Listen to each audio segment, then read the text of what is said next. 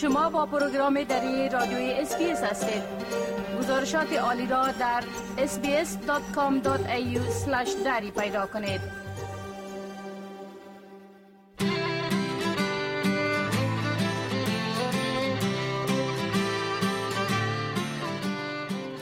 به مجموعه گزارش های معلوماتی زندگی در استرالیا خوش آمدید. من مجیب منیب هستم. این گزارش ها به شما کمک می کند تا در استرالیا به خوبی ساکن شوید و احساس بودن در خانه خود را بکنید. نقل مکان به کشور جدید می تواند برای همه به ویژه برای کودکان چالش برانگیز باشد. اما استرالیا مکان دلپذیر است و همه کودکان از حقوق برابر برای دسترسی به آموزش، مراقبت های صحی و ایمنی برخوردار هستند. در این گزارش موضوع حقوق و اسکان کودکان در استرالیا را به بحث گرفته ایم. بر اساس کنوانسیون حقوق کودکان سازمان ملل متحد همه کودکان حق دارند از حقوق برابر در مورد دسترسی به آموزش، خدمات صحی و امنیت برخوردار باشند. استرالیا حدود سی سال قبل کنوانسیون حقوق کودکان سازمان ملل متحد که یک سند بین المللی با اهداف فراهم زمینه دسترسی برای کودکان به حقوق مسئولیت و داشتن یک کودکی سالم است را امضا کرد. دکتر نظیر داور وکیل مدافع افغان مقیم سیدنی می گوید که استرالیا در سال 1990 کنوانسیون حقوق کودکان سازمان ملل متحد را امضا کرده است و بر اساس این کنوانسیون مسئولیت دارد تا پالیسی ها و سیاست های را عملی کند که از حقوق اطفال در استرالیا محافظت شود. کودکان در استرالیا از تمام حقوقی که در کنوانسیون ملل متحد محفوظ است و از او از او کودکانی که در استرالیا هستند همه کودکان محفوظ هستند و این حقوقی را که در او محفوظ است از او در اینجا محافظت میشه که او استرالیا یکی از امضا کننده های کنوانسیون بینالمللی حقوق اطفال است که سی برش در خلاصه میگیم که یکی از اسناد و یکی از اگریماند های بین المللی بین حقوق بشر است در, در مورد اطفال. استرالیا هم در دسامبر 1990 این کنوانسیون امضا کرده و توشیح کرده که بر اساس از این کنوانسیون مسئولیت هایی که برای استرالیا ایجاد شده و کارهایی را که باید استرالیا بکنه ای است که همه حقوقی را که در کنوانسیون بینالمللی اطفال محفوظ است این مسئولیت باید برای اطفال بته پالیسی ها و سیاست های را عملی بکنه و پیش بگیره که حقوق اطفال در استرالیا هم بر اساس کنوانسیون محافظت شود. بر اساس یک گزارش یونیسف که در هر پنج سال یک بار ارائه می شود استرالیا در مقایسه با گزارش قبلی پیشرفت اندکی در زمینه حفاظت از حقوق کودکان داشته است. آقای داور در مورد حقوق کودکان در استرالیا می گوید که اطفال در استرالیا از تمام حقوقی که در کنوانسیون حقوق کودکان سازمان ملل متحد آمده است برخوردار هستند. اطفال در استرالیا مثلا حق زندگی داره، حق برخورد درست داره حق هویت داره حق انتخاب و نظر داره حق صحت داره حق مسئولیت و محافظت را داره. و دیگه ای که حق در خواندن داره حق بازی کردن با بچه های دیگه را داره. که هر یکی حق از حقوق اگر آدم باز بکنه مثلا حق زندگی را داره. وقتی که ما میگیم حق زندگی را داره چی چی داره در بر می‌گیره؟ مثلا هر یک, یک طفل حق داره که زندگی بکنه و بزرگ شود. هر چیزی که مانع از این میشه یا یا ای که به زندگی از این خطر میرسانه چی فیزیکی باشه چی روحی باشه چی جنسی باشه یا هر نوع دیگه باشه. این طفل باید از این محافظت شود. این حقی از امو طفل است. دیگه مثلا اطفال حق برخورد خوب داره. یعنی که طفل حق داره که که باید امرایش برخورد خوب شود. آقای داور می که کودکان در استرالیا حق صحت دارند. به این معنا که باید واکسین شوند. در زمان مریضی تداوی شوند و از تمام چیزهایی که به صحت آنها مفید نیست محافظت شوند. طفل حق صحت داره. مثلا طفل باید از, از بچگی واکسین شود اگر مریض باشه تداوی و برای نگهداری طفل باید تمام کارهای صحی که لازم است برای صحت, برای صحت بهتر یک طفل باید اجرا شود شکف امو روتین صورت بگیره غذای صحی بخوره جای زندگیش تهی باشه نوشابه هایی را که می نوشه صحی باشه هر چیزی که مثلا اینها دسترسی به مواد مخدر پیدا نکنن به الکل پیدا نکنن که چیزی که برای صحت از یا ضرر میرساند از اونها محفوظ باشد در برخی از کشورها لطوکوب کردن اطفال برای تربیه آنها مروج است. آقای داور می‌گوید که لطوکوب کردن کودکان در هیچ جای قانونی نیست. حتی از نظر علمی هم این به اثبات رسیده است که این کار هیچ نوع درس برای طفل نمی‌دهد. زدن اطفال در هیچ جای قانونی نیست. که در افغانستان می‌زنه یا در هر جای دیگه می‌زنه. این خلاف خلاف همه نرم هاست. قوانین که بگذار. از لحاظ علمی هم ای به اثبات رسیده که زدن اطفال هیچ نوع درس برای طفل نمیده و جز ای که آسیب بر از او برسانه. در استرالیا هم هیچ کس حق نداره که هیچ نوع تهدید را چی فیزیکی باشه که زدن است و چی یا ما آستا زدم یا به زور زدم یا در کجایش زدم هیچ نوع حق را نداره.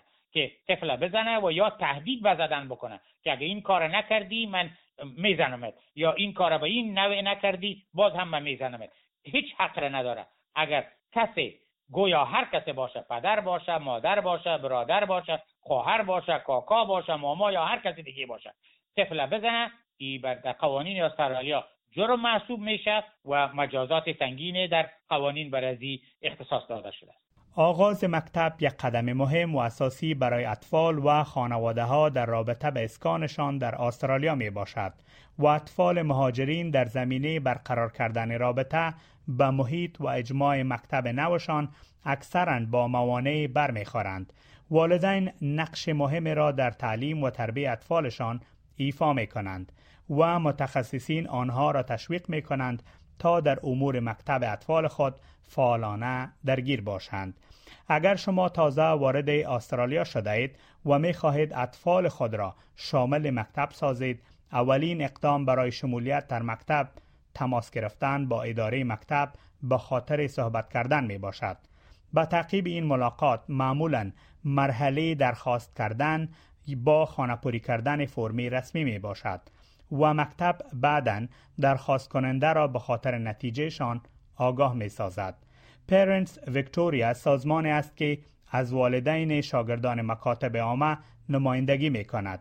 گیل مکادی مدیر اجرایی این سازمان بعضی از مشکلات را که والدین مهاجر در قسمت جابجا شدن و عادت کردن اطفالشان به محیط مکتب تجربه می کنند این گونه تشریح می کند.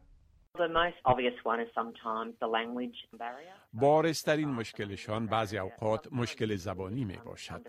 ولی در پهلوی مانع زبانی مشکل بعضا صرف در میارهای سلوکی نظام تعلیمی استرالیا می باشد.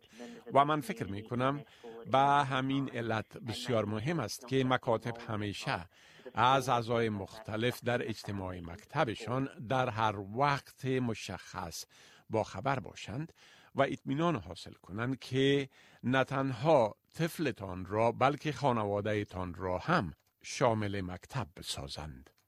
اجرات معمول در مکتب همیشه به خانواده های مهاجرین یا پناهندگان جدید تشریح نمی شود. این اجراعات ممکن شامل ضرورت برای فراهم کردن یک بسته نان چاشت برای اطفال باشد یا اینکه به خاطر گرفتن اطفالشان از مکتب باید به وقت معین به آنجا بروند لور دینگ در اصل سودانی است و به حیث مامور ارتباط در مکاتب گوناگون ملبون کار می کند. او می‌گوید که بعض شاگردان ممکن علاقه و اعتقادشان را به مکتب از دست داده باشند. تجربه من در قسمت بعضی از اطفال این است که آنها نمی‌دانند که در مکتب چی می کنند بخصوص در قسمت کار در مکتب و غیره. اگر شما چیزی نمی‌دانید و صدایتان را نمی کشید که بگویید این را نمی‌دانم و به کمک ضرورت دارم. ممکن دیگر به مکتب نروید. لذا وقتی که آنها به کمک ضرورت می داشته باشند باید صدایشان را بلند کنند.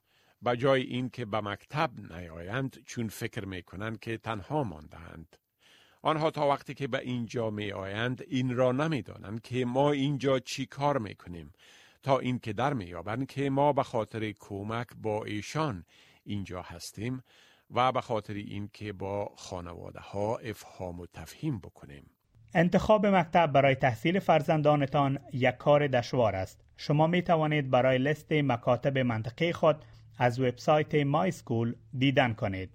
اگر در استرالیا در حال تحصیل یا کار هستید و فرزندان خردسال در خانه دارید می توانید به خدمات مراقبت از کودکان با کمک مالی حکومت دسترسی پیدا کنید. مواظبت طفل و خدمات آموزش اولیه اطفال را در قسمت انکشاف مهارت‌های اجتماعی، عاطفی و آموزشی کمک می کند. در استرالیا انواع مختلف خدمات مراقبت از طفل موجود است. این خدمات شامل مراقبت تمام روز، مراقبت خانگی، مراقبت ایام رخصتی و مراقبت بعد از ساعت مکتب برای اطفال به سن مکتب ابتدایی می باشد. سامانتا پیج رئیس اداره مواظبت اطفال می گوید که در زمان انتخاب خدمات نگهداری اطفال باید به برخی از نکات مهم در مورد این خدمات توجه نمایید. what kind of hours you want to use and what days of the week and how many hours, whether you want uh, the service to be close to your home or close to your work, what things matter to you in terms of how your child is looked after. مراکز نگهداری فامیلی یا family day care عبارت از مواظبت است که یک معلم راجستر شده در خانه شخصی خود برای اطفال خانواده های دیگر خدمات ارائه می کند. خانم سمانتا پیج می گوید اگر شما می خواهید از ساعت کمتر استفاده کنید و طفل شما در یک گروپ کوچک نگهداری شود همچنان طفل شما روابط محکم با یک معلم داشته باشد پس شما می توانید از خدمات فامیلی دیکر استفاده کنید. If you're looking for shorter hours or it's more important to you that your child is in a small group and has really strong relationship with a single educator and that you can manage the hours that are offered, then family daycare might be the alternative service to look at. همچنان مراقبت دیگری به نام مراقبت های خارج ساعت درسی مکتب وجود دارد. این نوع مراقبت ها در واقع زمان است که کودک قبل یا بعد از مکتب به مراقبت احتیاج دارد. معمولا از ساعت 6 و 30 دقیقه صبح تا ساعت 9 بجه صبح و پس از ساعت 3 بعد از ظهر تا 6 بعد از ظهر و در دوران تعطیلات مکتب. For older children who are at school but parents are working and they need care either before school or after school or in the school holidays, those programs are usually linked to the school. So you usually decide where your child is going to go to school and ask them about the outside school hours options that are available connected to that school. Because what's usually important to parents is the care is either on the school or very close to the school that the children can safely travel to the after school care or from before school care to school. در مناطقی که این گزینه های مراقبت از کودک در دسترس نیست مراقبت در داخل خانه یا این هوم کیر وجود دارد. برای معلومات بیشتر در مورد انتخاب مراکز مراقبت اطفال وبسایت mychild.gov.au را ببینید و برای دریافت معلومات در مورد کمک های مالی از وبسایت Services Australia دیدن کنید. از شما برای شنیدن این گزارش تشکر می کنم. برای گزارش های بیشتر از صفحه sbs.com.au dari life in Australia دیدن کنید.